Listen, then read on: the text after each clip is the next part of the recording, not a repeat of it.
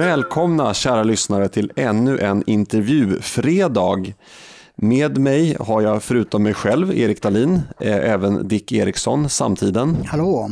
Och Linus Bylund, Sverigedemokraterna. Ja, hej. Och så har vi vår prominente gäst, ingen mindre än Tobias Andersson. Välkommen. Tack så jättemycket. Eh, du är också från Sverigedemokraterna och du är i allra högsta grad en aktiv politiker till skillnad från vad Linus är för tillfället. Ja det kan man väl säga. Jag är ju ledamot i riksdagen sedan 2018 och därutöver ledamot i partistyrelsen sedan i höstas. Sen så har jag fortfarande det eminenta uppdraget som vår talesperson för ungdomsförbundet. Eh, det heter talesperson där, det heter inte ordförande? Det heter talesperson, stämmer. Okej. Okay. Ja, men eh, du är kanske inte lika eh, välkänd som till exempel eh, Jimmy som vi hade här för någon, några veckor sedan. Så vad, berätta lite grann om, vad, du kommer från Skövde om jag inte minns fel va? Till och med utanför Skövde, så ja. mitt ute i, i, i ingenstans må man väl vara ärlig och säga. Det ligger mellan Väring och Tidan för de som har koll på geografin där nere. Men här uppe i Stockholm brukar man behöva säga mellan de två stora sjöarna ni ser på kartan för att folk ska ha en uppfattning om vart det ligger. Baikalsjön och Kaspiska havet. ja, jo precis. Eh, vi, jag känner bara till eh, Mälaren faktiskt. Mm. Eh, ja, eh, men eh, vad var jag tänkte på? Du är nyss eh, hemkommen från USA också. Stämmer, landade klockan 10 i, ja, nu spelar vi in det här på tisdagen då, så igår på, i måndags. Just det. Vi ska inte grotta ner allt för djupt i det, för jag hörde faktiskt att du har hunnit med att göra en annan podcast med, i en, eh, med en som heter Ronny Berggren eh, som har en podcast som heter Amerikanska nyhetsanalyser. Så att de som är väldigt intresserade av vad som, exakt vad som hände där kan lyssna på det avsnittet. Eh, men eh, jag tyckte att eh, det var lite intressant det här du sa när du, du befann dig på det här CPAC-konventet som, ja men berätta lite grann om det. Ja men CPAC är då Conservative Political Action Conference och det är den största konservativa konferensen i världen och brukar husera uppemot en 20 000 personer. Och nu har jag varit där i två år och det som kanske slår mig allra mest och som verkligen inte framgår i den svenska nyhetsbevakningen utav amerikansk politik, det är ju hur bred skalan är som är på plats det finns inte en enskild kategori människor som identifierar sig som republikaner, som konservativa Trump-anhängare och så, utan det är inte bara de här vita medelklassen från Rust Belt som man ofta målar upp det som, utan du har alla tänkbara minoritetsgrupper på plats, gamla, unga, så det är verkligen ett brett stöd för konservatism och för Trump specifikt då i USA. Det som eh, särskiljer dem i och för sig då, det är väl att de är mycket intelligentare än om man tar motsvarande på ett eh, liberalt konvent. Ja, nu har jag, jag ingenting som kan backa upp det, men, eh, men jag upplevde att de var mycket kloka. Ja, det, det var ett skämt, kära lyssnare. Eh, men det är lite intressant, jag vet inte hur mycket vi ska gå in på det, men vi, vi har touchat det lite grann förut i podden, eh, när man säger liberal i Sverige. För mm. mig, en liberal är en person som vill ha en minimal stat och maximal frihet för människan. Men så fort om jag till exempel skulle göra någonting som drabbade ditt liv, slå dig på käften till exempel, mm. då skulle staten gripa in ordentligt. Eh, men liberal i USA har inte riktigt samma betydelse. Förlåt, men det har väl inte samma betydelse i Sverige heller? Nej, numera. Nu, exakt, precis. Eh, bra. Men, och det vi har diskuterat här förut i podden är att Sverige har liksom anammat det här liberal-begreppet. För liberal i USA, det är i princip lite vänster, eller? Ja, och dessutom kan man väl konstatera att konservativ i USA och Sverige inte heller samma saker.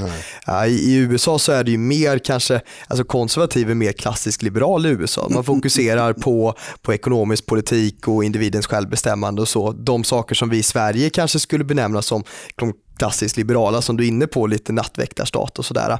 Det är mer konservativa i USA men att de lägger på ofta en, en religiös prägel sett till värdekonservatism och så vidare. Um, och, så det, det, är väl många av de ideologiska begreppen som är svåra att översätta mellan stater.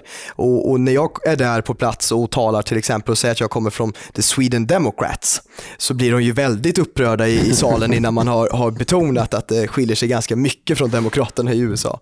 Du hade ett par livvakter med dig va? För... det hade nog behövts om jag inte hade förtydligat mig.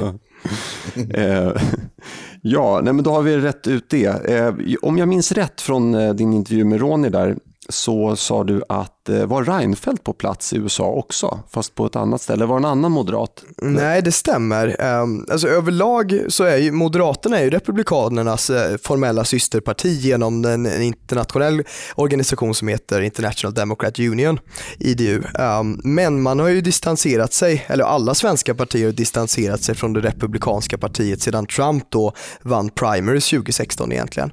Ehm, och nu var ju Reinfeldt tillsammans med sin son och det var sonen som la upp den här bilden som fått en del spridning på plats på ett av Joe Bidens kampanjakt-event då. Um, oh, det ska man väl inte göra för stor grej utav men många blev ganska upprörda och funderade på, ja men betyder det här då att det är ändå tidigare partiordförande som är på plats på ett demokratiskt event?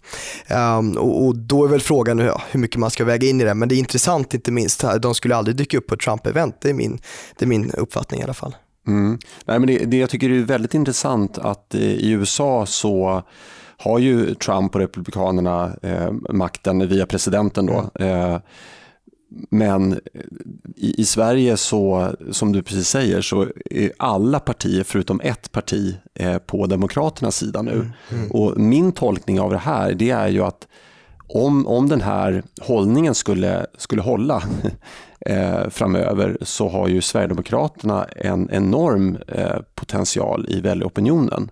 Alltså ett, ett, visst, eh, Republikanerna, om man översatte deras politik till Sverige så kanske de inte skulle få egen majoritet, men de har ju en, en eh, alltså så mycket skiljer inte mellan Sverige och USA så att Republikanerna skulle vara ett 20-25 procents parti här. Ehm, så att det, det ska bli väldigt intressant eh, framöver. Här. Håller du med om min, eh, min utläggning här? Ja, men, men återigen, jag tror det är svårt att uh, överföra politiskt innehåll från en stat mm. till en annan, utan politik är ju lokalt och, och, nationellt. Jag menar, jag pratade med några från NRA till exempel, National Rifle Association, som pratar om att ja, men ni i Sverige, ni måste börja prata mer om att alla ska få bära vapen, då kommer ni vinna valet. och jag delar inte riktigt den analysen, men de har ju, de har ju svårt att översätta sin politik och när den tar sig till internationell kontext så att säga. Ja, just så det. är det verkligen. Alltså det, ja. det tycker jag är väldigt slående när man, när man är i USA nu har inte jag varit där tok mycket. Jag är dock på väg mer eller mindre eh, på resa, men det kan vi ta en annan podd. Eh, men, men jag tänkte så här, en av fallgroparna som vi går i här när vi tycker att det är så märkligt, det är ju att vi använder någon sorts höger-vänster-skala för demokrater och republikaner, mm. men vi, och vi glömmer att vi behöver använda Galtan snarare. Alltså det är inte ett dugg förvånande att Reinfeldt är på demokraternas komment. Eftersom han är en rotlös eh, liksom, oikofob eh, om jag får uttrycka mig lite hårt. Nej, men det, det, är, det är absolut inte konstigt, men jag tror att om Moderaterna inte tar parti för republikansk politik på sikt, alltså den typen av grundläggande ideologiska värden. I takt med att Demokraterna radikaliseras åt vänster kan vi också införa i, i debatten. Mm, jag menar, absolut. Ja, ja, nej, men alltså, det, det, har alltid varit så att eh, svenska partier har hållit på Demokraterna under George W. Bush, men då handlade det mer om utrikespolitiken. Mm. Att han av, avsatte ju Saddam Hussein och, och, bombade bort talibanerna i Afghanistan. Och det var ju inte bra enligt svenska partier. Eh, så att det, det, alltså det man skriver negativt om Trump idag, det skrev man ju negativt om George W. Bush på 00-talet. Alltså det var lika hårda ord mot eh, Bush då. Men har inte det mer att göra med vår inom ja. neutralitetspolitik? Ja, det, det, det, var mer en mm. utrikespolitisk positionering så att säga som, som, som grundar sig i det avståndstagandet från Republikanerna då. Men det ligger ju lite grann i det du var inne på med, med, med eh, vapen och sånt där, att man, man för, för, Republikanerna försvarar ju Liksom medborgarna, småfolket mot mm. en övermakt. Det var ju så USA bildades. Människor flydde från det religiösa förtrycket i Europa. Mm. Eh, kungarnas förtryck i Europa till USA och bildade staten. Och då vill man inte ha någon överstat som, som kan förtrycka. Och därför är ju det här, jag såg en mätning när det gäller just vapeninnehav att eh, det var viktigare än nästan någon annan fråga bland en väldigt stor del av amerikanska folket. Så eh, när jag såg den mätningen så tänkte jag att eh, man kommer inte kunna göra någonting när det gäller inskränkningar i, i, eh, i vapenrättigheterna i USA. För det, det ligger just som en väldigt viktig del i, i identiteten som amerikansk och fri medborgare. Eh, jag, jag, vill bara lägga till här när det gäller alla partiers syn på, på partierna, i, alltså alla svenska partiers syn på partierna i, eh, i USA. Jag, jag tror att nyckeln till, till, att förstå hur man för sig är att det är inrikespolitiska gester snarare än något annat. Alltså man tar inrikespolitisk hänsyn eh, väldigt, i väldigt hög grad till varför man stödjer den ena eller den andra eh, i USA. Därför att, eh, och det är egentligen bara Sverigedemokraterna som inte gör det i någon större utsträckning. Alltså, vi hade ju tjänat antagligen mest på att säga att vi lägger oss inte i det där, vi, vi bryr oss inte så mycket. Det tror jag hade fångat in flest av våra potentiella väljare. Men vi väljer istället att kolla vem är det som står för bäst politik enligt mm. vår, vårt sätt att se det. Så tror inte jag de andra sju partierna gör i samma utsträckning. Jag tror att det svenska medieklimatet där Trump är djävulen och om du nuddar honom så är du del av djävulen. Det, det är nyckeln till varför Moderaterna till exempel inte, mm. efter Reinfeldt i alla fall, eh, liksom öppet säger att de är republikaner. Och, och kruxet någonstans ligger ju i vår oförmåga att förstå det stöd Trump faktiskt har. Jag menar, svensk media mm. har i nästan överdrivet mycket följt amerikansk politik de senaste åren. Mm. Jag har svårt att se hur nyhetsvärdet kan vara så stort i det. Man skriver om varenda tweet mm. från presidenten. Men man har ändå helt misslyckats med att förmedla att han har faktiskt, det senaste jag såg i sammanvägda stödet eh, för Trump var på 46% mm. i approval ratings då som man säger. Han gick upp i stöd bland amerikaner under hela riksrättsprocessen. Mm. Det har vi total oförmåga att förstå men, här i Sverige. Här så tycker man att... Löfven, han har, vad är det, han har 25 stöd. Han är bland minst stöd bland alla partiordförande. Mm. Trump ligger kanske minst dubbelt så högt som honom. Mm. Men jag tänker att det inte, egentligen är det inte svenskarna som missar utan det är svensk media som avsiktligen rapporterar på ett absolut. väldigt märkligt sätt. Jo, det, det var det jag åsyftade, ja, men absolut. Men inte länge till för eh, de kommer nämligen fängslas i Linus Bylunds eget privata fängelsehåla.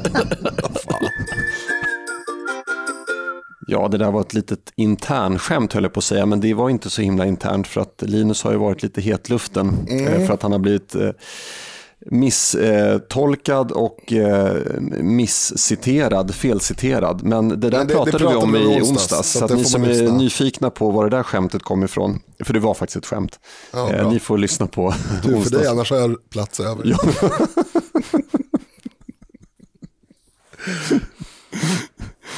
um, jag är ingen journalist, jag är bara programledare. Ja, det, jag är fullständigt eh, neutral. Eh, ja, eh, vi har en gäst här också, det höll jag på att glömma bort. Eh, du sitter också i näringsutskottet, eller hur? Stämmer, ledamot mm. i näringsutskottet och ansvarar för partiets både näringspolitiken och handelspolitiken. Ja. Eh, Vad är näringspolitik? Det är ganska brett. Det handlar om att underlätta för det svenska näringslivet. Så Det kan handla om allting från att se över vilken regelbörda som återfinns, hur minskar vi administrationsbördan för näringslivet, hur underlättar vi med myndighetskontakten. Men sen ska man också i åtanke att frågor som ligger på andra utskott berör ju också, alltså finansutskottets politik berör ju, skatteutskottets politik berör näringslivet och civilutskottet inte minst. och sådär. Så det, det är väldigt brett men man har samlat det som, som utgiftsområde och som beredning beredningsområde i näringsutskottet. Mm. Jag, vill, jag frågade inte för att jag inte visste själv utan för att jag ville vara snäll mot eventuella lyssnare som inte är så superinsatta. Ja, nej, men det är jättebra. Du får en eloge Linus. Eh, hur som helst, eh, det är ju, eh, Sverigedemokraterna är tydligen störst bland egenföretagare i Sverige. Det stämmer, det är olika mätningar som visat det. Och Det som är mest intressant är väl att partiet har intensifierat sitt arbete med just opinionsanalys. Och de, de stora eh, datamängderna som, som vi har i det arbetet tyder också på att vi är störst bland egenföretagare. Um, och, och, Det kanske förvånar vissa som har trott att det bara skulle handla om, om lågavlönade på, på landsbygden. Va? Men vi är faktiskt störst bland egenföretagare.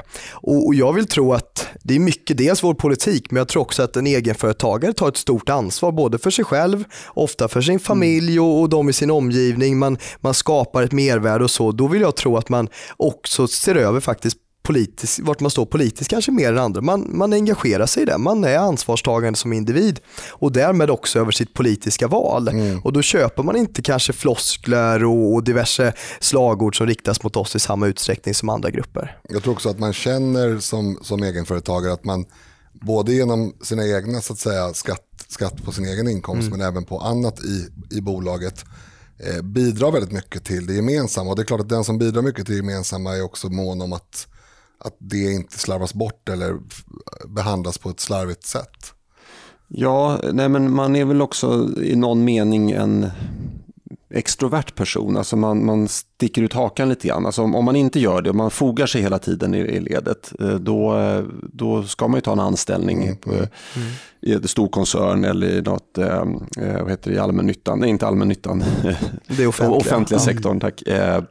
Men, och, och, då kanske man sticker ut hakan politiskt också. Man är inte så rädd för kanske vad andra ska tycka och, och utforska Nej, andra Det är nog riktigt att gruppen mm. som sådan är nog ganska, där har man sållat bort räddhågsna människor ganska bra. Bara att bara att ta den gruppen som egna företagare gör ju att den som, som sådan är antagligen lite modigare om man får uttrycka sig så, som, som människor. Mm. Och just egenföretagare, då pratar vi ju inte om eh, storkapitalister här, utan det är ju kanske frisörsalongsinnehavare och restauranginnehavare. Snickare, ja. det är golvläggare, allt möjligt. Ja, och, och, eh, men i den gruppen upplever jag att det finns eh, hyfsat många invandrare också. Eh, har, har, du mött några sådana som eh, har givit en klapp på axeln eller Ja, jag, jag har väl mött alla tänkbara väljare som har gett mig en klapp på axeln, men, men jag har också mött egenföretagare med, med utländsk härkomst. Och de upplever lite som Linus är inne på att de har kommit hit, de har kanske slitit från dag ett eller deras föräldrar kom hit eh, förra generationen och verkligen tog tag i sina liv och tog ansvar.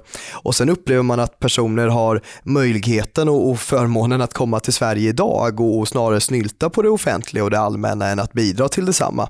Och det är klart, då känner man ju viss uppgivenhet och, och inte minst frustration och i värsta fall ilska.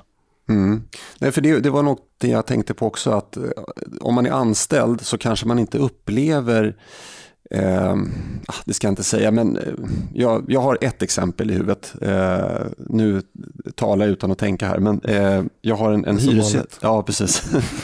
jag har en, en eh, känner till en eh, affärsinnehavare i Norrtälje som har blivit rånad då, mm. tre gånger på, för, först, jag tror han har haft butiken, eh, guldsmedsbutik i 25 år, något sånt där, 20-25 år. Och de första 17 åren så hände ingenting och sen så blev han rånad en gång per år då i tre år. Och mm. den tredje gången fick han ett automatvapen riktat mot sig i pannan eh, och då helt enkelt avgick, alltså han, han, han sålde, han, han, han eh, eh la ner eh, sin yrkesbana där. Eh, sånt där kanske man inte ser om man sitter som anställd på ett stort kontor. Men som egenföretagare så får man uppleva den här förgrymningen av samhället mm. eller vad man ska kalla det för. Eh, upplever du också att eh, det kan vara så? Ja, och jag möter ofta olika näringsidkare som, som påpekar att ja, men det känns inte som näringspolitiken är så högt på den politiska dagordningen. Man känner sig lite förbisedda och så. Och då brukar jag svara dem just på det temat att ja, men det är ju lite som så att om du är rädd för att dina anställda inte kan ta sig till tunnelbanan tryggt och att man behöver anställa vakter, vilket faktiskt näringsidkare har gjort i Stockholms förorter för att bara gå med de anställda till tunnelbanan. Eller om du för den delen som näringsidkare på landsbygden är orolig för ifall din dotter kommer hem tryggt på kvällen eller vad hon riskerar att bli utsatt för. Då kanske du inte bryr dig så mycket om hur hög eh, löneavgiften är eller vilken, hur krångligt det är med myndighetskontakt och så vidare. För någonstans Maslows behovstrappa eh, kommer ju vara att, att du känner trygghet för dig och dina anställda och de i ditt din närområde kommer ju vara det som berör dig mest. Mm. Och jag vill hävda när vi har utvecklingen i samhället som vi ser mer segregation, ökad kriminalitet, hamnar ju de flesta andra politiska sakområden lite i skymundan av väldigt naturliga psyk psykologiska skäl. Um, och det tror jag också för att avsluta det hela och just på den noten med näringsidkaren då, den här guldsmeden som blivit utsatt, att många egenföretagare stödjer nog Sverigedemokraterna. De håller säkert med om mycket av vår näringspolitik, men framförallt för vår politik som garanterar trygghet för deras näringar från första början. Ja. Att det är det som är det, det vitala så att säga. Mm. Jo, rättsstaten är ju liksom kärnan för hela demokratin och samhället. Mm. Ja, nej men eh, jag har ju fler exempel. Eh, jag gör ju inte bara det här på heltid, poddar, utan jag har också lite känningar i näringslivet och så. Och eh, jag upplever att de med utländsk bakgrund som, som ja, ser eh, våldet och, och drabbas av det, de har ju mycket lättare att och säga också vad, vad de mm. verkligen tycker. Mm. Eh, och eh, nu på sista åren så upplever jag också att man har börjat ta upp det här i, i debatten på en högre nivå. Att det är liksom det det är storföretagare, ledare för storföretag som skriver debattartiklar om, om, debattartiklar om att de har svårt att locka personal till, jag tror det var Göteborg, för att utländska experter då eh, läser om hur, hur eh, illa det är. Och kanske någon som bor på landsbygden eh, och drar sig för att flytta till storstan för att det, det är så mycket kriminalitet. Men det var kanske nog om det om inte du ville... Nej, men jag vill bara säga att jag mm. tycker också att det här, vi har pratat om det här tidigare, jag tycker det är så jäkla intressant det här med det är fascinerande hur, hur liksom från Reinfeldt och kanske till och med Bildt och framåt att, att man liksom, stora delar av, av svenska politikerkåren har liksom missat den här otroligt viktiga pusselbiten med tryggheten. Därför att det är inte bara liksom ekonomin som bygger på att det, är tryggt. Där har du ju väldigt konkret. Liksom, att om, om tryggheten hela tiden dalar, då, då går allting sämre. Det, det är liksom mindre det blir mindre tillväxt i allmänhet om, om tryggheten går ner av, av, en massa olika skäl. Men allt blir ju sämre. Alltså jag, jag, vill dra det ännu längre. Alltså himlen blir mindre ljus på något sätt. Alltså livet blir sämre för alla. Alltså livskvaliteten för alla blir sämre ju mindre trygg man kan känna sig i sitt eget land. Och det, det som är fascinerande här är att, att man inte har förstått det från början. Att vi ska behöva komma där och berätta en självklarhet. För det känns som att det finns en generation politiker, nu återigen Reinfeldt-folk, eh, om, jag får ut, om jag får uppfinna en sån kategori, som liksom inte förstår det här. Alltså i grunden absolut inte förstår att, liksom, att, att tryggheten är grundläggande för exakt allt. Mm. Jag tycker det, vi, vi pratar för lite om det, inte i podden, för det gör vi ganska mycket, men i samhället i stort. Att det är liksom, man kan inte börja någon annanstans, man måste börja där. Precis. Nej, det är någon konstig symbios här mellan vänstern då, som ju alltid då från kriminologi och sådär har, har mer sett den, den brottslingen som den mm. som det är synd om. Eh, men, men jag tycker ändå det är konstigt, för, för jag har ju varit på Timbro och med, med nyliberaler och, och nattväktarstaten då som är kärnan i det nyliberala, det är just polis. Mm. Mm. Att man ska ha eh, skydd för sitt liv så att säga. Det, det, det, går till och med nyliberaler med på. Men inget av de gamla partierna har, har kvar det. Liksom. Det, det, det, är väldigt konstigt mm. att de har släppt eh, just kärnan i uppdraget. Ja, det är verkligen märkligt. Mm. Men jag skulle vilja fråga lite mer eh, eh näringspolitiska eh, frågor nu. Eh, äntligen får den här chansen. Har du egen sak nu? ja, nej, men jag, eh, sjuklöneansvaret, vad, vad anser Sverigedemokraterna om det? Är, det? är det vettigt att om jag säger att jag var anställd nu och sen så eh, går jag ut och ja, tar några bira, 10-15 stycken sådär på lördagskvällen eh, och så råkar jag ramla och bryta armen och kan inte komma på måndag. Är det rimligt då att arbetsgivaren ska betala sjuklön för den dagen? Jag tror att det finns ju mer andra typer av fall där, där sjuklön är aktuellt. Men det är klart att det, det är en gråskala. Och det vi har sagt från vårt Fast håll... Mitt exempel var ingen gråskala. Nej, ditt Nej, exempel det är väldigt lätt att då säga det, att då ska ingen behöva ta sjuklöneansvar för sina anställda. Nej. Sen kan det finnas tillfällen när det är mer naturligt att man borde ha ett sjuklöneansvar för sina anställda. Det vi har sagt dock det är att småföretagare inte ska behöva ha det. Um, och, och, nu eh, får ni rätta mig om jag jag tror det är upp till tre anställda som vi har haft det senaste. Det har varit högre tidigare men det blir enorma kostnader. Um, och, och, Det gäller även för den allmänna löneavgiften att småföretagare ska slippa att betala den för sina anställda. Och där har vi också haft upp till 9-10 tidigare men det blir en sån stor uh, utgift i, i budgetära termer så det har minskats. Däremot om du är ett globalt jättestort företag, då klart, då kanske jag tycker att uh, staten inte ska gå in och någonstans uh, täcka täcka upp för sjuklöneansvaret. Men just för små näringsidkare, det är där jobben skapas, det är där vi borde rikta de olika satsningarna också. Fast eh, vi måste ju också vara med i den internationella konkurrensen. Eh, så att det är ju klart att det blir en nackdel för svenska storbolag eh, ifall man har ett sjuklöneansvar. Ja, fast du kanske också kan attrahera eh, anställda genom att ta det ansvaret också. Att det kan bli åt andra hållet, att ja, men här har vi ett företag som, som erbjuder den här typen av säkerheter och att det blir en attraktionskraft också. Fast i grund och botten, jag bara, bara en följdfråga, du ska få komma in sen Linus. Tack. Eh, alltså, i grund och botten har det väl att göra med ifall det är någonting som man har åsamkat sig själv på sin fritid. Mm. Mm. Eller om det är någonting som företaget har orsakat dig. Till exempel exempel stress kan ju vara en sån sak som faktiskt är arbetsgivarens fel. Eh, man kanske har blivit mobbad på arbetsplatsen, man kanske har blivit pådyvlad för mycket arbetsuppgifter. Eh, man kanske har andats in asbest på arbetsplatsen, alltså sådana grejer. Eh, man har blivit av med armen i svarven, alltså det är sådana självklara grejer. Men jag tycker i princip att aldrig att, ja, nu, säger jag, nu säger jag för en gångs skull vad jag själv tycker, mm.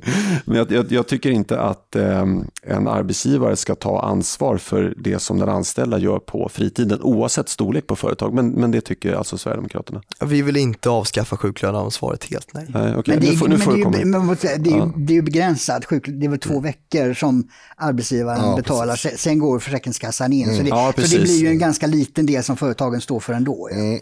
Får jag bara säga det, jag, jag, tycker att partiet har rätt hållning. Jag har ju varit med när vi hade en ännu mer långtgående mm. eh, reformagenda där. Och det är möjligt att det här kan vara ett första steg med tre anställda. Eh, jag, tycker, jag tycker det ska vara fler, men det, är, det finns en budget att förhålla sig till också. Eh, men, men till Erik så har jag en parameter att lägga till som jag tycker är jätteviktig. Och det är att oavsett vilken typ av, av eh, skador och sjukdomstillstånd du kan tänka dig om du gör statistik på sjukfrånvaron så kan du se att en grupp som är väldigt överarbetad, har en dålig arbetsmiljö med stress och massa andra faktorer kommer att sticka ut i, sjukla, i, sjuk, i sjuktalen eh, oavsett. Alltså väldigt många tillstånd som gör att du behöver vara hemma en dag eller fem är kopplade till hur du mår på jobbet. Sen så är det klart att det finns enstaka fall där, du, där det 100% är vållande, självklart. Eh, till exempel i det fallet du tog, att man drack alldeles för mycket på fredagen och var så bakfull att man inte kunde gå ens på måndagen. det är väl eh, en, enligt en, en socialistisk syn att se på saken så är det också arbetsgivarens Ja, teoretiskt skulle det kunna vara det. Eller vita mäns fel. jag menar, jag menar, jag Trumps fel. Vi pratar mycket om incitament och sådär. Där finns det ett incitament, ett ekonomiskt incitament att ha en god arbetsmiljö. Det är det jag menar. Ja, men, ja. men jag håller med om att mindre företag ska fråntas från det därför att man kan inte, alltså vi behöver ha en jag ska floskla till det och säga att dagens småföretag är morgondagens storföretag. Så är det ju. Liksom. Ja, precis. Eh, är du insatt i 3.12-reglerna? Ja, i viss utsträckning, men inte i detalj. Det håller väl på att ses över och diskuteras ganska mycket för tillfället. Är det, ja. är det då man fastar i tre dagar och sen säger 3.12? Inte 3.12-metoden, 3.12-reglerna. Ja. Mm. Nej, men alltså, eh, det, det, ska ju, i grund och botten så är det så här att eh, om man är målare och drar in, då, låt säga att man drar in genom sitt eget arbete låt säga 700 000 per år. Då ska man inte kunna sätta sin lön till noll och ta ut allt som kapitalinkomst. Mm. Det, det, är därför man har infört... Aktieutdelning till exempel. Ja, aktieutdelning, mm. ja, precis. Eh, men som det är idag, om du har ett bolag som, till, vi, vi, vi säger att, att eh, du äger ett bolag som har eh, en miljard Eh, Eh, på, eh, i en aktieportfölj. Så går det upp med 10% Då är det eh, 100 miljoner i vinst i året. Då kan du bara ta ut tror jag, 120 000 som inkomst av kapital. Resten måste du ta ut som eh, arbetsinkomst upp till i och för sig 5 miljoner därutöver så är det då eh, Det är många som har det här problemet. Ja, jo, jo, men jag, nu, nu, nu, nu, nu, det här teoretiska exemplet. Men det här, är, det, här är ett, det här är ett tecken på hur fördummad politiken har blivit. Mm. Alltså verkligen, det, det, det är så sjukt och det är ingen som diskuterar. Och jag tror att, jag tror att det är ett, eh, i värsta fall så är ett tecken på låg intelligens bland höga politiker faktiskt. Att, att, man, att man inte har tagit upp det här som, eh, princip, som principiell fråga. Anledningen till att ingen diskuterar det här är att det är väldigt få som berörs. Jo, men det är ju så här, det spelar ingen roll. Man tar, apatis, nej, nej. Apatiska barn var också få mm. som berördes. Ja, ja. Men, men det gjorde man en jättegrej av. Mm. Men det här är liksom... Den här liknelsen kommer Samhället berördes ju ganska mycket av de apatiska barnen. Ja, det var, det var för att media tog upp det. Men, men miljardärer är det banne ingen som backar. Nej. Ja, jo men i alla fall, min konkreta fråga är så här. Eh, jag måste ha lite bakgrund till.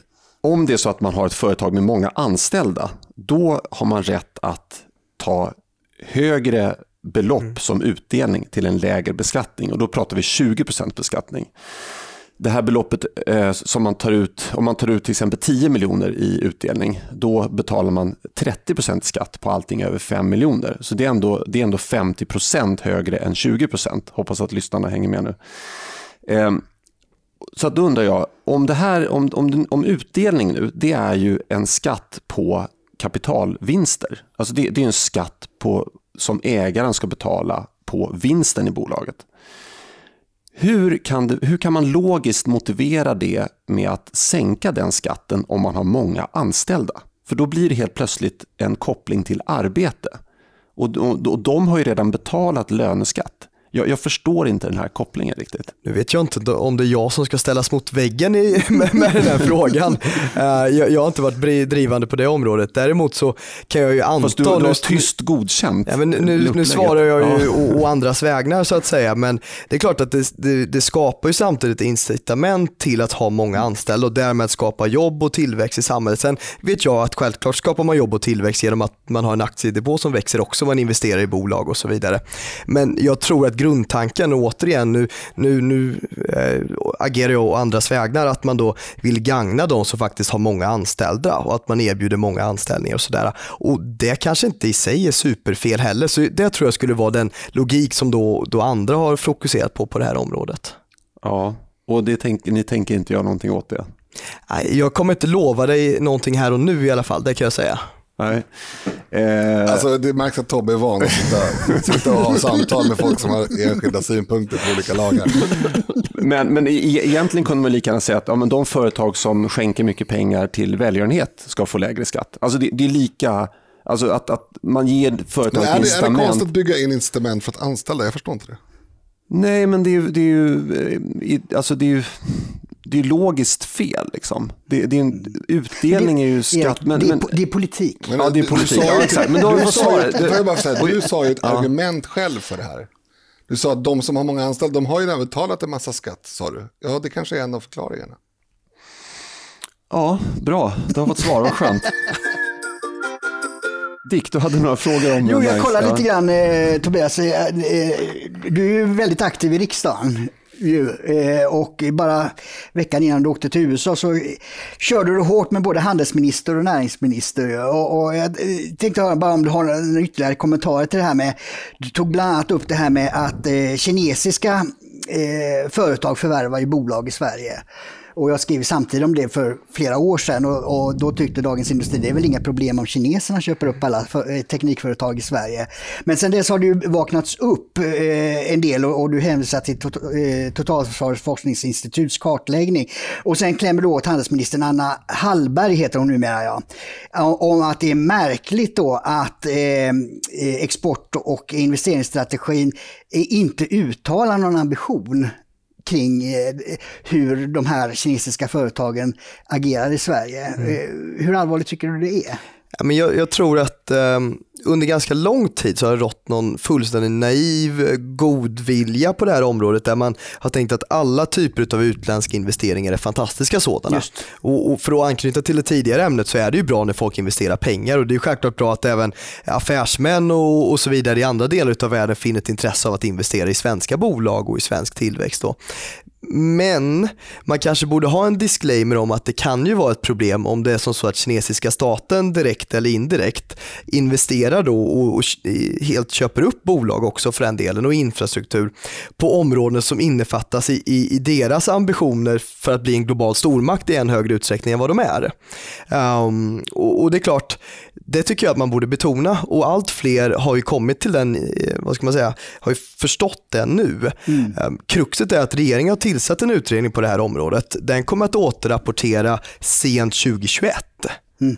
Trots att vi vet att det här är ett problem nu, det har varit ett problem länge. Mm. Och, och, då var ju min poäng i den här interpellationen att då är det lite konstigt att man i den här helt nya export och investeringsstrategin säger att det är jätteviktigt med utländska investeringar utan att åtminstone i en bisats säga att men de borde säkerhetsgranskas. Mm. Eller någonting. Mm. Uh, och jag vet, det var ju tidigare statsråd som, som fick frågan just att ja, men finns det någon lagstiftning på plats som kan begränsa den här möjligheten? Om det kommer ett kinesiskt bolag och till exempel som har gjort nu i Stockholm, gått, gett världens lägsta bud på att bygga ut tunnelbanesystemet och då vunnit den upphandlingen också. Finns det en möjlighet att på något sätt stoppa det? Och det har man ju sagt från regeringens sida att den möjligheten finns inte och det är därför man tillsatt en utredning som är färdig nästa höst. Mm. Och det tycker jag är ett problem. Jag tycker att man borde kunna säga att det, här, det är bra med utländska investeringar Men de ska banne mig inte riskera svensk säkerhetspolitik. Nej, precis. Och det, det, här är ju en modern form av industrispionage. För köper man upp svenska företag då får man ju naturligtvis tillgång till all hemlig information. Mm. Så det, det, det liksom är ju uppenbar säkerhetspolitisk, mm. eh, uppenbar säkerhetspolitisk fråga. Men, men tror du att eh, hon och regeringen tar intryck eller fortsätter de och kommer att säga om fem år, eh, vi såg inte detta komma? Det verkar ju vara det, det återkommande eh, temat hos regeringen. Men nej, jag tror att det finns en konsensus i svensk politik idag om att det här är ett problem. Moderaterna har varit ute, eh, handelsministern säger ändå i sin interpellations, i sitt en interpellationsfall att det här är ett problem. Kruxet har ju varit att man varit aldrig för slapphänt med det här. Alltså, ingen har kunnat missa att det här har varit ett problem de senaste vad, fem åren i alla fall. Mm. Uh, och inte minst sen Trump blev vald så har ju han påtalat hur Kina agerar på den globala marknaden på ett sätt som ingen tidigare har gjort. Och nu råder det konsensus i USA om att man ska sätta dit Kina. Det är inte mm. en, en Trump-fråga. Demokraterna är också skeptiska. Um, och jag upplever att vi går i den riktningen i svensk politik också, men man har inte agerat tillräckligt och det är väl det jag efterlyser. Mm. Ja, du körde hårt med Ibrahim Baylan också som är näringsminister. Men du börjar alltid med tack för svaret. Jag undrar, ofta är det så i riksdagsdebatter att även om man får ett dåligt svar av en minister så säger riksdagsledamoten tack för svaret. Vad beror det på? Är det... Man vill väl vara lite vänlig sådär och det är en, det är en Ironisk kanske? Ja, ja men ibland himlar man ju lite med, med ögonen när man säger tack så jättemycket, det var ett fantastiskt svar. Um, ja, för det, blir, det blir väldigt konstigt, liksom. För, först den här ja. uh, hövligheten och så sen bankar man på liksom, uh, åt okay. båda håll. Det var som svårast måste jag säga när jag var ny ledamot uh, 2018 och sen så var det då EP-valet sen 2019 och då var det en situation där jag sprang ut och hade skoldebatt um, i min roll som talesperson för Ungsvenskar dagarna och där är man väldigt hetsig och eleverna älskar när man klämmer dit någon. Sen skulle man tillbaka och debattera i riksdagen och tala genom talmannen och allting. Och det hände ganska ofta att båda de typerna av debatter ägde rum på samma dag. Mm. Och då var det svårt att hålla reda på, på vad som var formalia och inte. Ja, nej, det är lite speciellt i riksdagen. Nej, men Ibrahim Baylan körde ju hårt med när det gäller det här statliga innovationsstödet. Och jag, och jag tycker det är också en sån där näringslivsfråga. Mm. Liksom, det finns en väldig övertro på att staten och byråkrater ska kunna eh, tala mm. om var någonstans uppfinningar och, och nya lösningar ska finnas. Och jag, jag, har aldrig förstått det. Det är så korkat så att det, man storknar. Men, men om Socialdemokratiska partiet hade skött det här, då ja, hade då hade alla lösningar kommit. Liksom, ja, som om någonting ja. uppfunnits vid ett sammanträdesbord. Alltså, det är så korkat så att...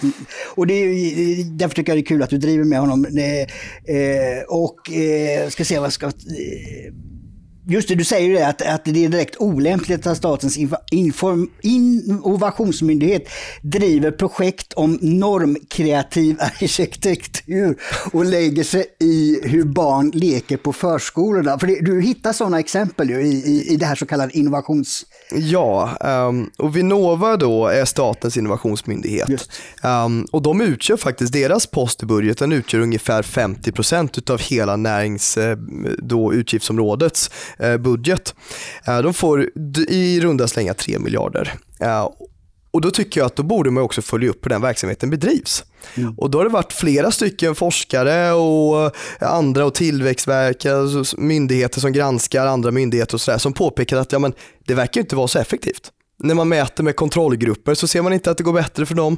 Man har uttryckt det bland annat som att man ser en, en tillfällig ökning på lönerna och, och sådär men sen så, så ser man ingen tillväxt i bolagen. Och, eh, det var en som var inne på en forskare som uttryckte som att ja, men, om det är som så att du har ett bolag med låg produktivitet, då är alternativkostnaden för att söka bidrag från staten väldigt låg. Om du har ett, bi, eh, ett, bolag med hög produktivitet, alltså du skapar mervärde hela tiden, då är det väldigt dyrt att åsidosätta personal för att söka bidrag. Mm.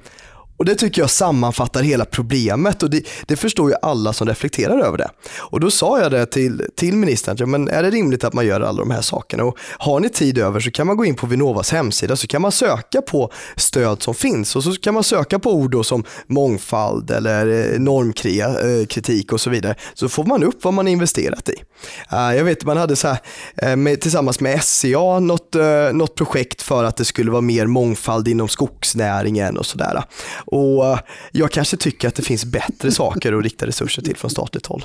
Men han förstod inte det. Han förstod Nej, inte nej, den kritiken. de, de tror ju på fullaste allvar att bolag som Volvo, Spotify och så aldrig hade uppstått om inte staten trodde hade gått i, eller funnits där med bolag som de här bolagen inte ens har nyttjat. Liksom. Nej, för jag tycker det är liksom, du säger ju det att det, det, det empiriska underlag då som du redovisar stämmer inte överens med det, eh, den verklighetsbild som eh, Ibrahim Baylan företräder i talarstolen.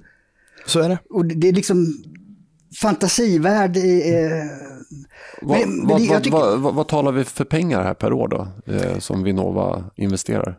Ja, alltså budgetposten ligger på i runda slänga 3 miljarder. Um, och sen så är det till, till väldigt många olika typer av projekt. Några av de projekten jag lyfte som var fokus på, på normkritik och annat, de låg kring kanske 500 000 till 2 miljoner kronor. Och det här är ofta då kanske en gemensam investering med ett bolag eller en, en sko- högskola eller liknande. Um, men på det stora hela så är det mycket pengar som försvinner den vägen Ja. och framförallt, det man inte ska underskatta heller, det är ju att man åsidosätter annat riskkapital.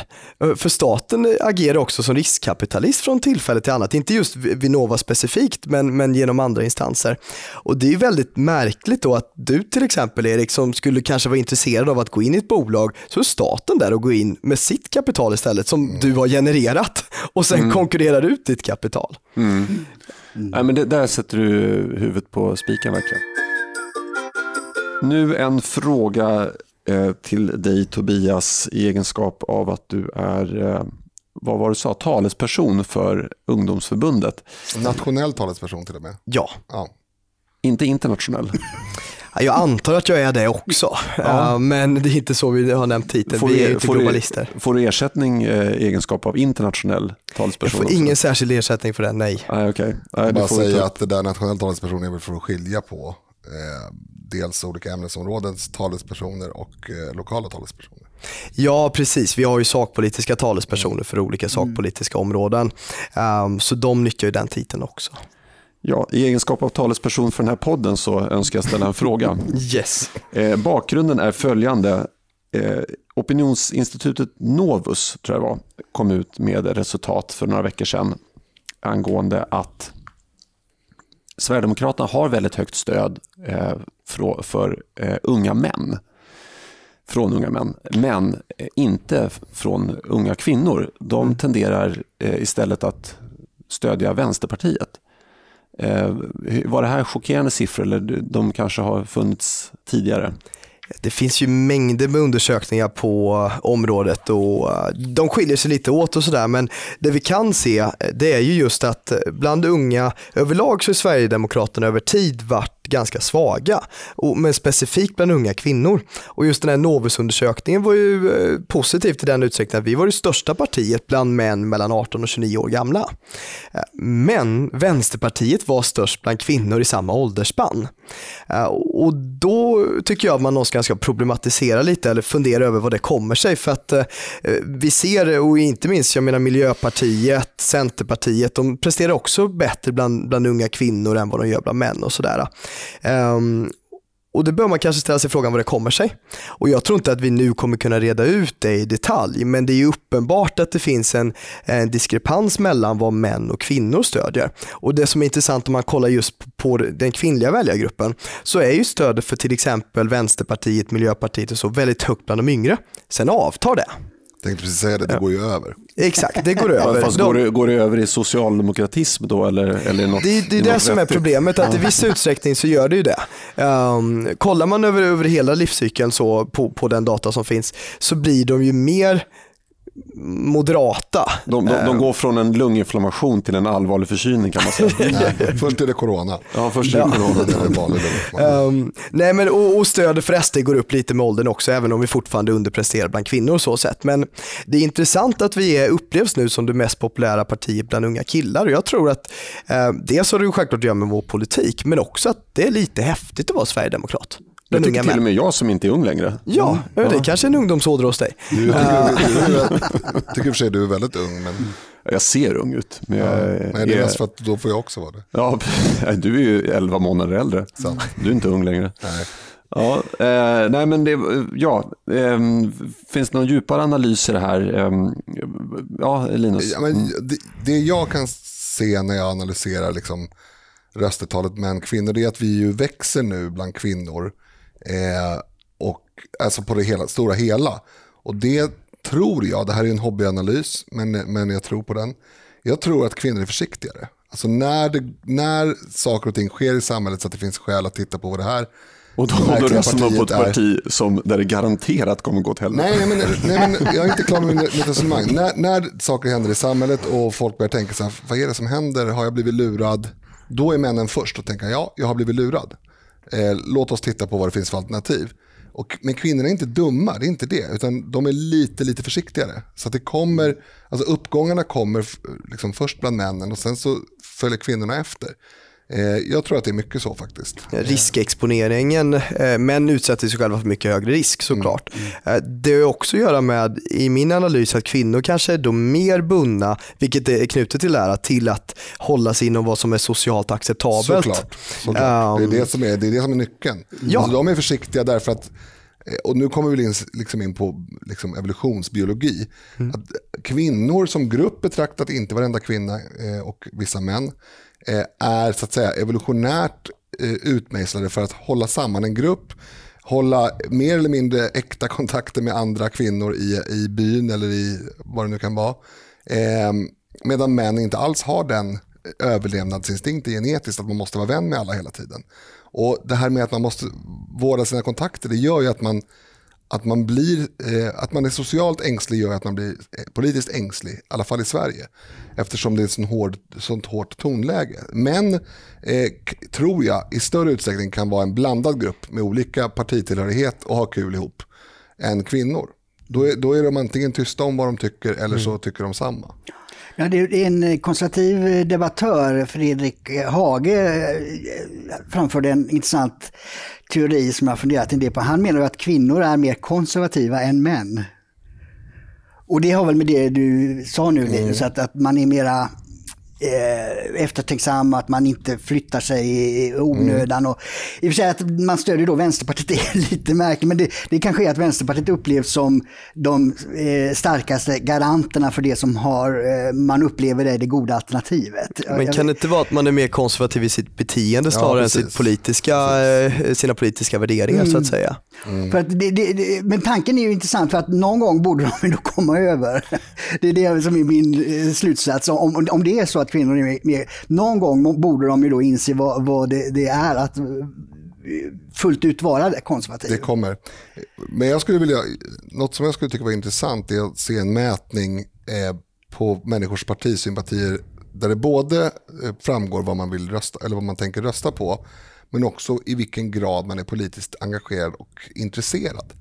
För de mm. där, mm. de där sakerna hör ju väldigt mycket ihop. Och jag tror att det är väldigt mycket, vi har pratat om det tidigare, det här, de här tygkassepartierna. Alltså man, man, är, man röstar på ett parti för att ha en tygkasse med den loggan på. Därför att det har mer med social accessoar att göra än och vad man faktiskt tycker. Eh, ja, det, det, var en väldigt luddig fråga som jag slängde ut här som ingen har något svar på. Men, men det var intressant. Om, om jag spinner vidare lite på den, för om, om, man då är lite flyktig i sina politiska ställningstaganden, då kan man tänka att man kan kolla på den datan som faktiskt finns sett till hur många har lämnat partiet och röstade mm. på i förra mm. valet. Och där ligger ju Sverigedemokraterna på eh, att behålla sina väljare till 95 procent. Mm. Det här är alltså mycket, mycket högre än många andra partier. Mm. Vissa är nere nästan vid 50 procent. Mm. Uh, och det är ganska intressant med tanke på att vi tillhör de stora partierna också, att vi ändå behåller så många, eller så hög andel av våra tidigare väljare. Uh, vi, vi särskiljer oss något enormt gentemot andra partier. Det, har jag, det menar jag har att göra med två saker primärt. Det ena är att det är en tröskel att ta sig över till, Exakt. till att börja med. Den tröskeln är lika hög tillbaka. För det har man, då har man redan offrat det man, man har offrat så att säga. Mm. Den andra faktorn är ju att eh, man kan kalla oss vad man vill, men vi är så långt ifrån populister man kan bli. Därför att vi har haft ungefär samma hållning i samtliga frågor under väldigt lång tid. De andra partierna, de är ju, men, ta, ta liksom extremexemplet på Centerpartiet, som är ett, det är ett helt annat parti. Det är bara namnet som är kvar. Eh, om du jämför för 30 år sedan eller 40 år sedan. Det är ju verkligen Och de klarar sig bättre om man kollar på väljardata återigen bland unga kvinnor i storstaden mm. än bland äldre herrar på landsbygden som mm. kanske historiskt har varit deras mm. väljargrupp istället. Mm. Det men, men, det är väl så här någonstans att ungdomar tenderar ju att inte gilla mellanmjölk. Om du förstår vad jag menar. Alltså mm. det, det, det, här tråkpolitiken i mitten tilltalar inte så många ungdomar. Utan då säger man okej, okay, jag är absolut inte något av de här partierna i mitten vad är liksom? Mm, och, och då, mm. då, tror jag att det är ganska, det kan vara slumpen som avgör eh, och naturligtvis då genetiska skillnader mellan män och kvinnor. Som, det, mm. Exakt, jag tror, jag tror att det är exakt så. Att man, är, man, är inte, man vill ha en identitet, inte, man vill inte ha det här mitt emellan grejen och det förstår jag. Jag var likadan när jag var, jag var ung. Eh, och sen har det egentligen bara att göra med vad är, det, vad är grunderna till ditt val? Är du politiskt insatt eller bryr du dig mest om vad dina kompisar tycker? Sen kan det gå lite hur som helst.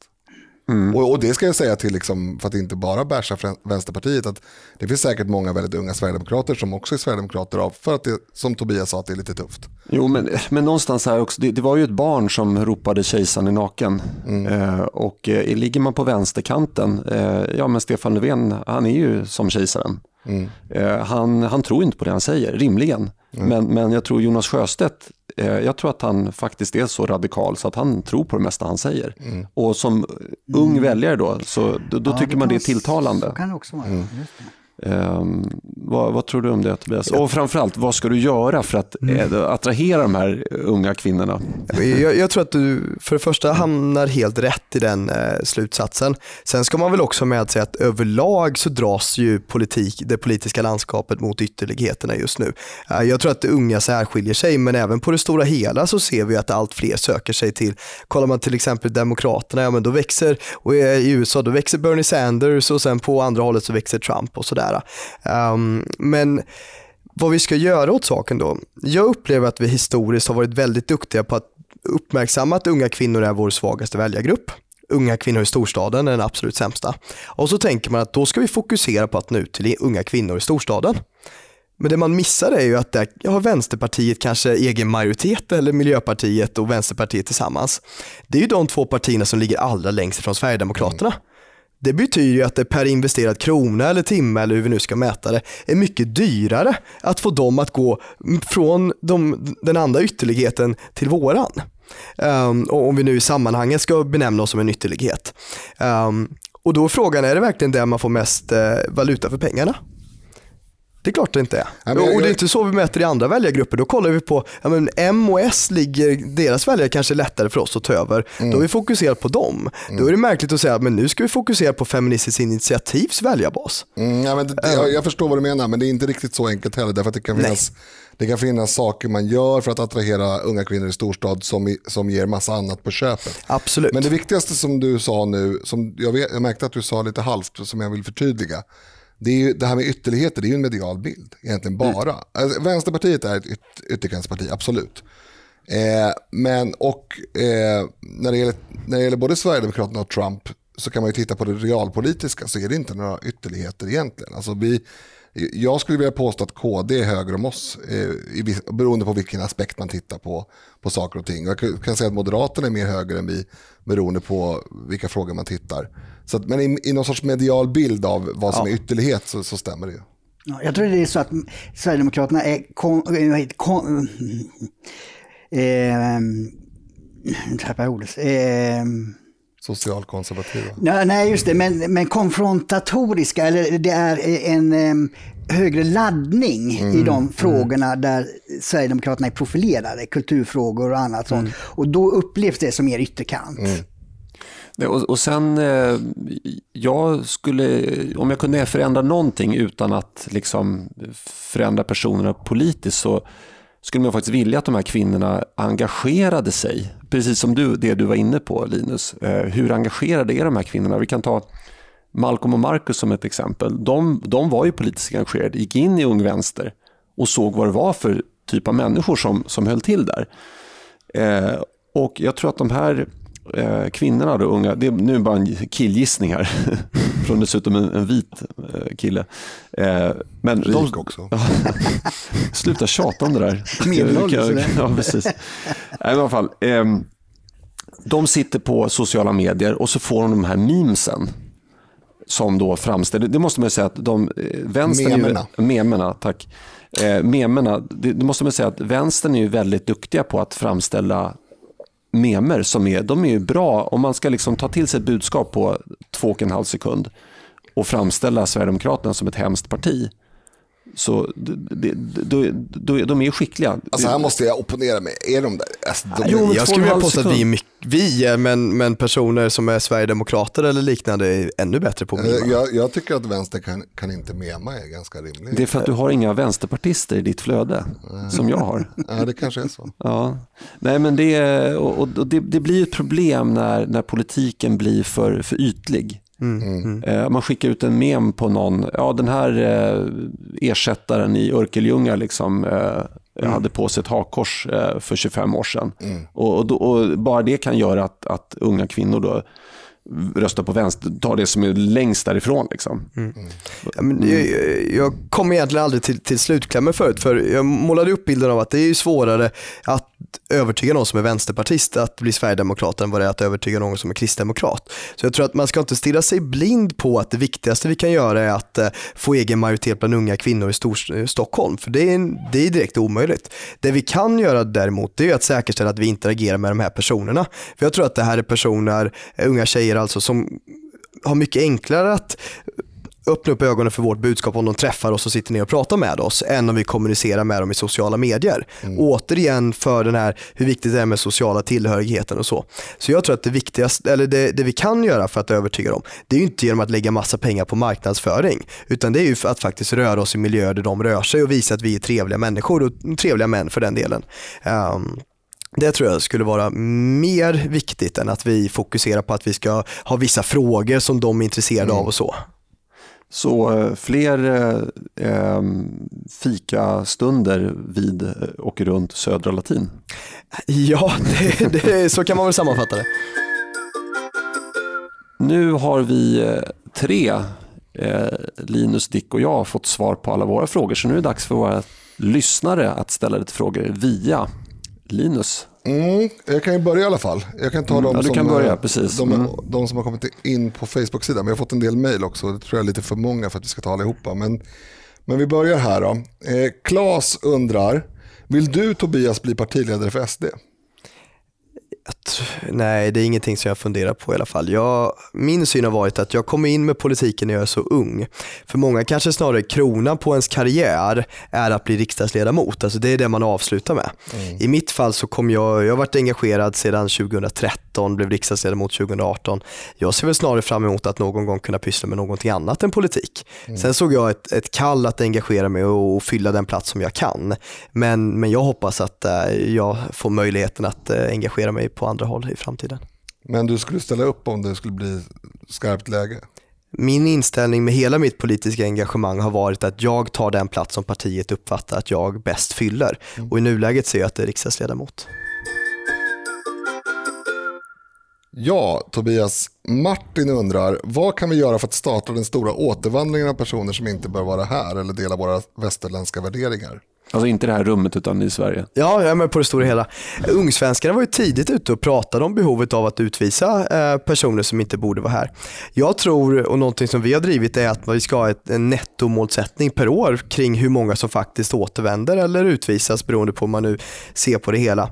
Så jag tror att vi behöver ha politiska verktyg på plats men också sända ut signalen till folk att ja, men missköter man sig, begår man brott, har man ljugit om sin ålder när man kommit hit, har man ljugit om vilken stat man kommer ifrån och så vidare, ja men då kommer vi säkerställa att det utvisas. Eh, Man ska inte kunna missbruka systemet i den utsträckning som man gjort hittills. Eh, Så jag, det är en stor, stor kombination av verktyg som kommer att behövas men vi måste ta tag i det nu. Men, eh, jag ja, alltså, eh. Eh, har ni resonerat någonting om, för jag vill se saker i långa serier och eh, USA brukar ju vara det som man säger i invandrarlandet men de har ju sällan haft mer än 15 procent utav befolkningen som är utlandsfödda medan Sverige är uppe i nu 20 procent. Fin- Har ni någon diskussion om hur, mycket, hur stor andel det, det, som är lämpligt eller hur man ska uttrycka Ja, det. den diskussionen skulle vi ju ha fört för 20 år sedan kanske. Ehm, nu, nu är det svårt att säga att vi tycker att 10% är rimligt. Det blir ganska stora praktiska problem då.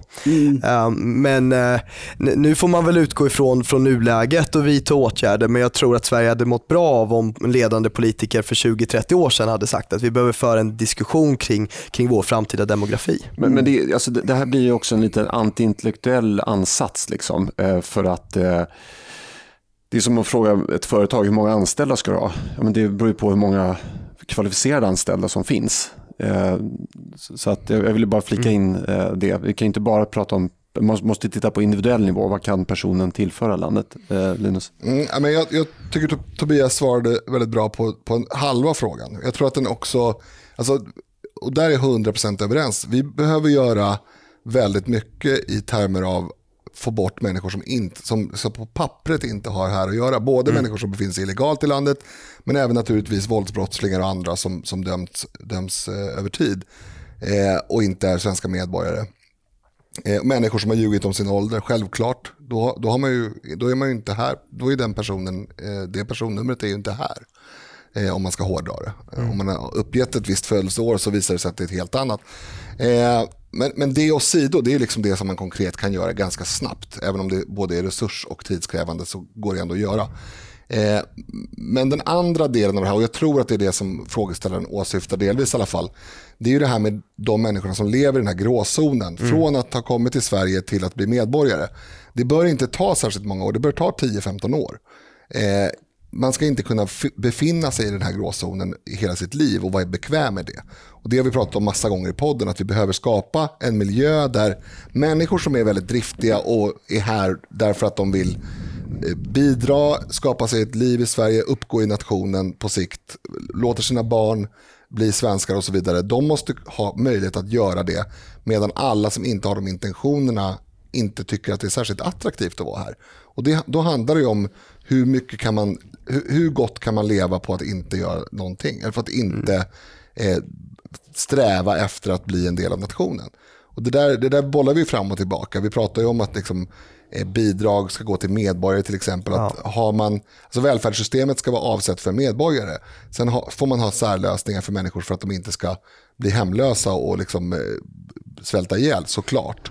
Men att det ska vara på den nivån, alltså att man, man, man överlever. Det är bättre än att, än att drunkna på Medelhavet, men, men det, är liksom inte, det, är så att det är bättre än att vara ett, eh, förföljd i sitt land. Men det är inte någon särskilt lyxartad tillvaro. Nej, du har ju verkligen det praktiska synsättet. Jag tycker det är filosofiskt intressant att diskutera. Hur kan en nation skapa sammanhållning i gemenskap beroende på hur mycket det kommer från andra delar av världen. Liksom hur stort det, alltså att, man, att det kommer, det har det ju alltid gjort som historikerna säger, men det har ju varit en halv procent av befolkningen som varit utlandsfödd fram till eh, mitten av 1900-talet ungefär. Eh, och nu är det då 20 procent. Liksom, att, att ha en diskussion om hur, hur ett optimalt läge ser ut tycker jag man, att man skulle behöva ha. Även om det, det är väldigt kontroversiellt i dagens läge att, att göra det. Men man, man skulle behöva det för att ha någon, nå- ja, något riktmärke för politiken. Så får jag bara säga att jag menar att det optimala läget är att ingen söker sig till Sverige för att eh, få det bättre ekonomiskt annat än om, om den så att säga vill satsa sin egen tid och, och energi på att göra sig karriär eller någonting. Men alltså, det är där man måste lägga balansen. Man ska söka till Sverige, till Sverige av andra skäl. Man söker till Sverige därför att man får ett jäkligt bra jobb här, man blir kär i någon eller någon annan sån rimlig anledning att flytta. Eh, det är det som vi måste komma till. Men jag, nu, nu måste jag, jag, jag får direkt eller, den här associationen till när, kommer, kommer ni som är lite äldre ihåg, när det var en debatt, jag tror kanske det var slutet av 90-talet, där det var många tyskar som köpte upp fritidshus i Sverige. Typ i Småland. Ja, visst. Mm. Och då debatterade man att, men oj, hur kan, det, tänk om det bara bor tyskar i ett område, hur kommer det påverka? Då hade man den här diskussionen. Men nu när man har områden som polisen knappt går in i, i alla fall inte övrig räddningspersonal, då diskuterar man inte, oj, Nej. kanske var för mycket araber Precis, ja. här i Tensta. Kan det ha varit så? Nej, det är ingen som diskuterar, men det kan vara för mycket tyskar i Småland. Det är ju helt barockt egentligen. Jo, och, och ska, drar man Dicks fråga till sin spets så är det så här, ja vi har 20% av populationen. Men i de områden som, som Erik refererar till, mm. det kanske är uppemot 90. Mm. Eller kanske till och med mer som är av utländsk härkomst. Mm. Och jag har besökt flera av dessa områden och jag ska vara ärlig och säga att det som slår en är att jag tror inte att vi varken den här generationen eller nästa kommer ens vara i närheten av att se till att de assimileras in i det svenska majoritetssamhället. Nej, det, det, det, det, är direkt omöjligt. Alltså, det, finns ganska många människor som bor i Sverige av andra skäl än att de tycker att det är så fan, mm. fantastiskt trevligt land att bo i. Det är av ekonomiska skäl, därför att vi öser pengar. Och då menar inte jag att då menar inte jag nödvändigtvis öser pengar, man måste ju se det i en kontext, mm. eh, i, en, eh, förlåt, i en relation till vad alternativet är. Och eh, tittar man på alternativet så öser vi pengar. På, gru på gruppnivå blir det så, även ja. om de, det är inte så att de har varsin Joakim von Anka pengabinge. Nej. Eh, men på men gruppnivå exakt, så... Exakt, på gruppnivå och, mm. och ställt, ställt mot alternativet så, så är det inte svårt val att göra om man kan, om man kan leva tämligen gott i Sverige. Mm. Eh. Och, och, avslutningsvis då så borde vi också se över incitamenten för just återvandring. Det är mm. ett sånt incitament med mm. lite mer piska än morot är ju att då dra ner bidragsnivåer och, mm. och alltså, eller knyta välfärdssystemet till medborgarskap och så vidare. Sen tror jag också att vi kan jobba med morot på det området med. Mm. Alltså att vad, vilka möjligheter finns det att återvandra? Hur mycket erbjuder vi då? Eh, och ska man dra det till sin spets? Jag menar, jag hade rent eh, filosofiskt inte haft några problem med att vi la skattepengar på att se till att någon återvänder till sitt hemland. För på det stora hela hade det varit en investering. Alltså det hade varit minskade utgifter för staten, det hade varit mindre belastning på välfärden, mindre belastning på det kulturella och så vidare. Att istället säga att, ja men vet du vad, vi betalar din flygbiljett, vi kan till och med betala din skola i något år eller sådär. Bara du faktiskt återvänder till, din hem, till ditt hemland.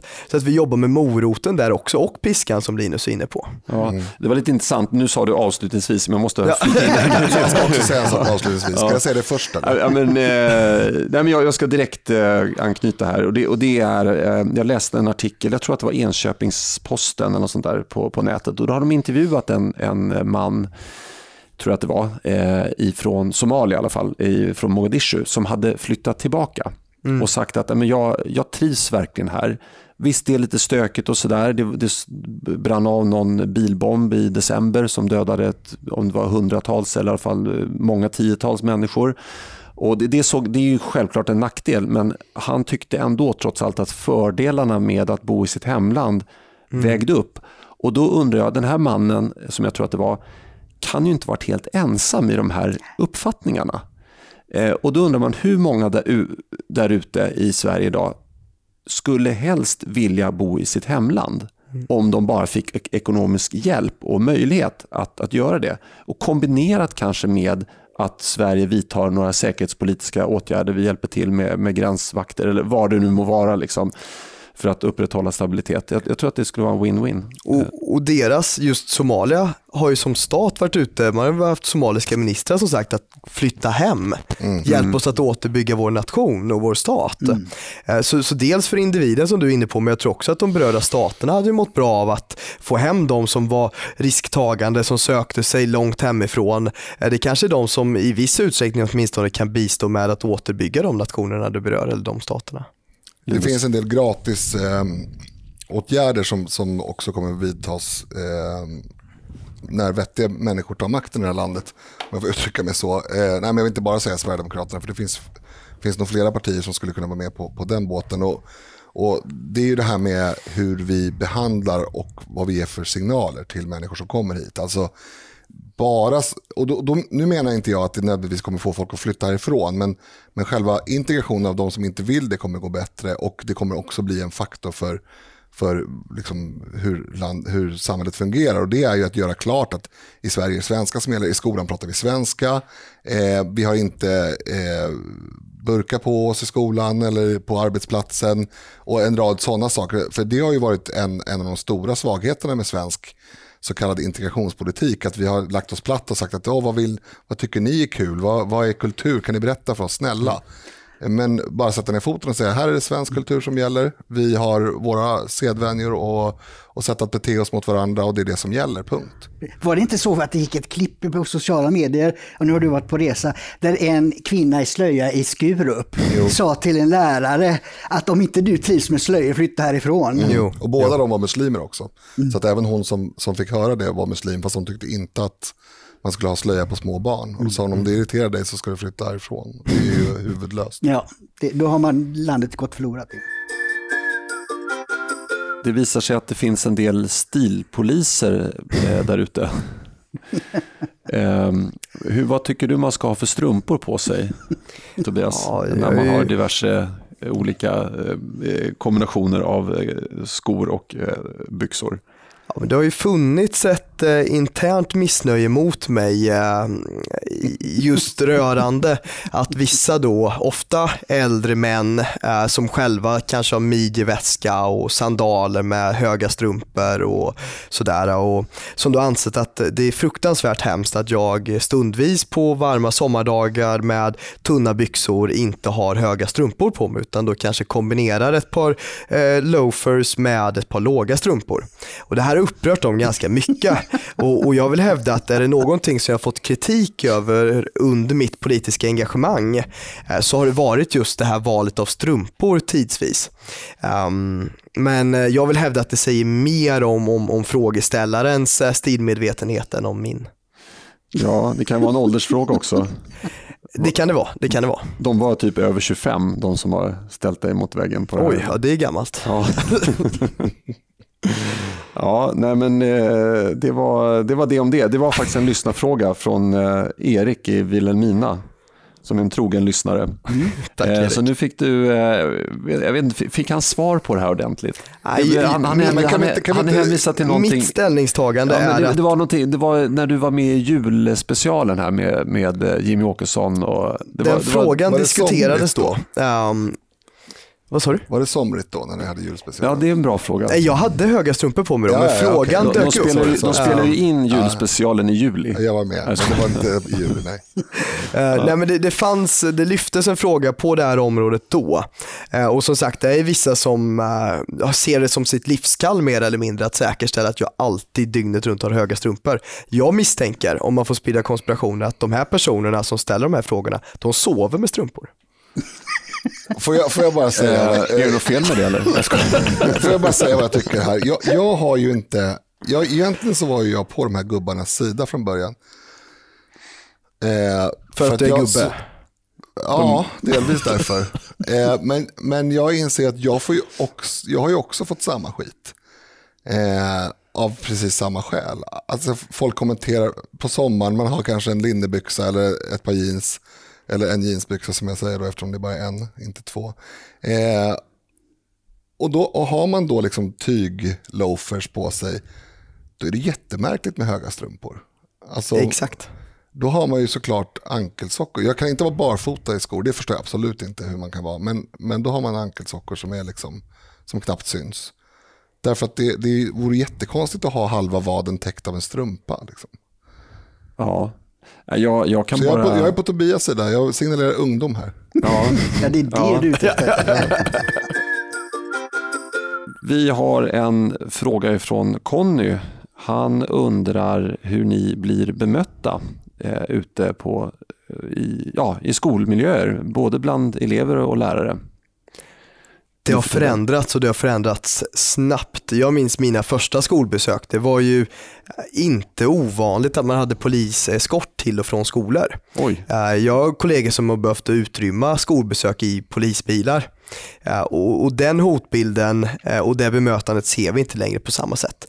Det, alltså, så sent som 2014 så här, skedde det framförallt här i Stockholm att våra företrädare inte kunde komma in på skolorna för att det var blockader med elever och säkerligen lärare och andra som stod utanför skolan och blockerade ingångarna. Och, och det upplevde vi inte 2018. Så jag upplever att mellan de två valen såg vi en, en, en bra, en positiv förändring. Ehm, och överlag tycker jag att eleverna brukar vara eh, hyfsat trevliga. De som är, eh, kanske hade velat vara otrevliga, de går sällan fram. De, de struntar i det.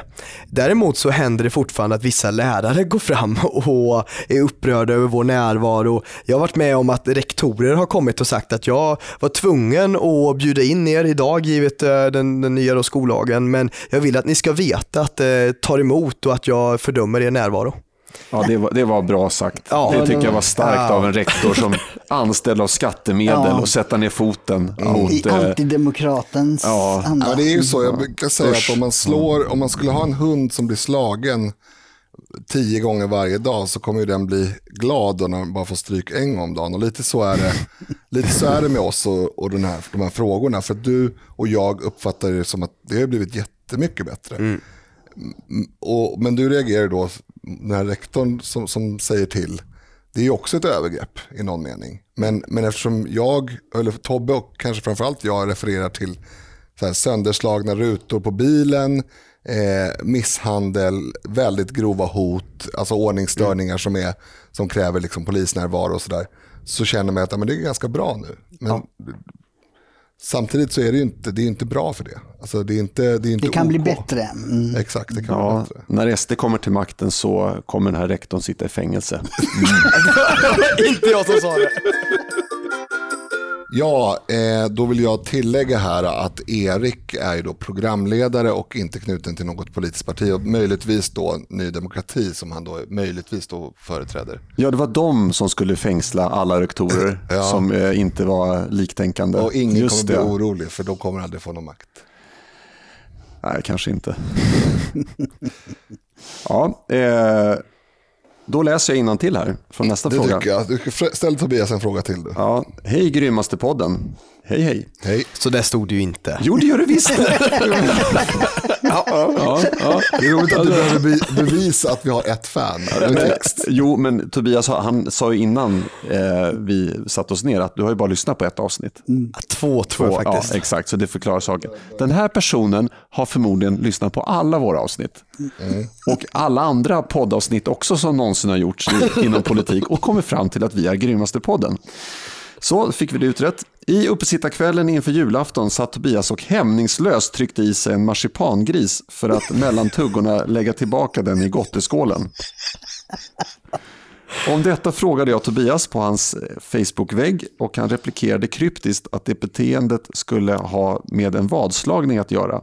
Jag vill nu veta hela sanningen där inga detaljer förtigs så att min nyfikenhet slutligen kan stillas. Vänligen Lasse från Uddevalla. Det är ändå imponerande att Lasse har hållit den här frågan vid liv nu i två månaders tid och jag hoppas han har kunnat agera produktivt på dagarna ändå och inte bara gått runt och, och tänkt på det här. Ja, men så här var det att vi hade ju en enorm godisskål på bordet när vi spelade in då julavsnittet. Uh, och då sades det lite skämtsamt mellan mig och ett par, par vänner på kommunikationsavdelningen att det hade ju varit kul om jag mitt under inspelningen tog den stora marsipangrisen stoppade den i munnen, bet av en bit och la tillbaks den i skålen. Um, och så, så fortsätter vi sen att det är säkert någon som kommer tycka att det är märkligt att gå och fundera på det här och uppenbarligen då i, två månaders tid till och med. Så det gjorde jag. Ja, och Det var faktiskt så att flera stycken av de som arrangerade själva inspelningen, de var tvungna att gå ut ur salen under det skedet för att de skrattade så mycket så att det höll på att förstöra hela inspelningen. Ehm, det internskämtet sen då var ju svårt för andra att förstå. De trodde bara att jag var en psykopat som åt av rumpan på en marsipangris. Det var en grov marsipangris också. Det måste ha varit ett halvkilo. Ja, mm. det var som en eh, honungsmelon. Ja. Var den god då? Nej, det var den inte, vilket gjorde saken mycket tuffare att sitta där och le och låtsas som inget och tugga i med den där. Ja, Lasse, eh, där fick du svar på frågan.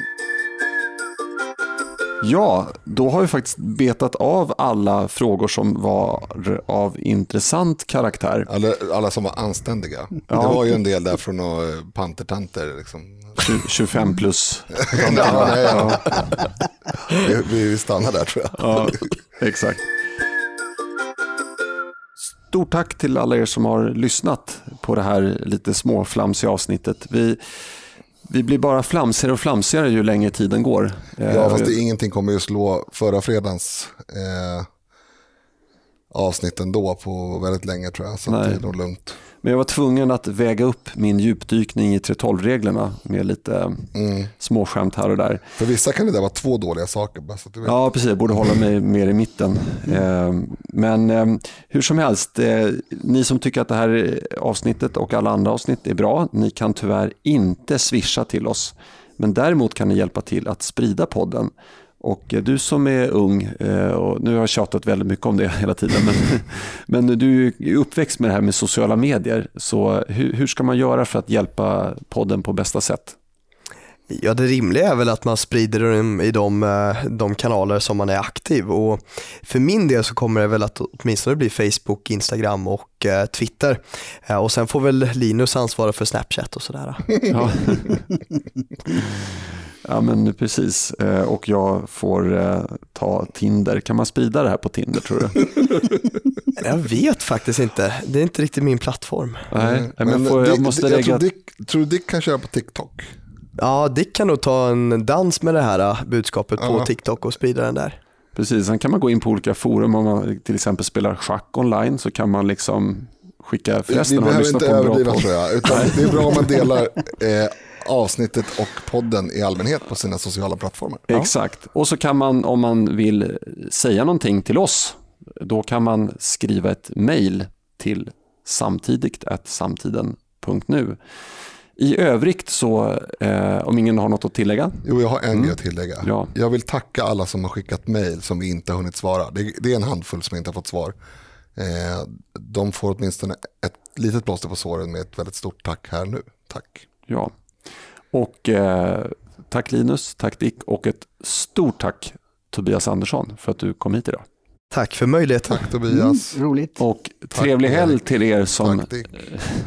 lyssnar på det här samma dag som det kom ut. Hej då. Hej då! Hej då.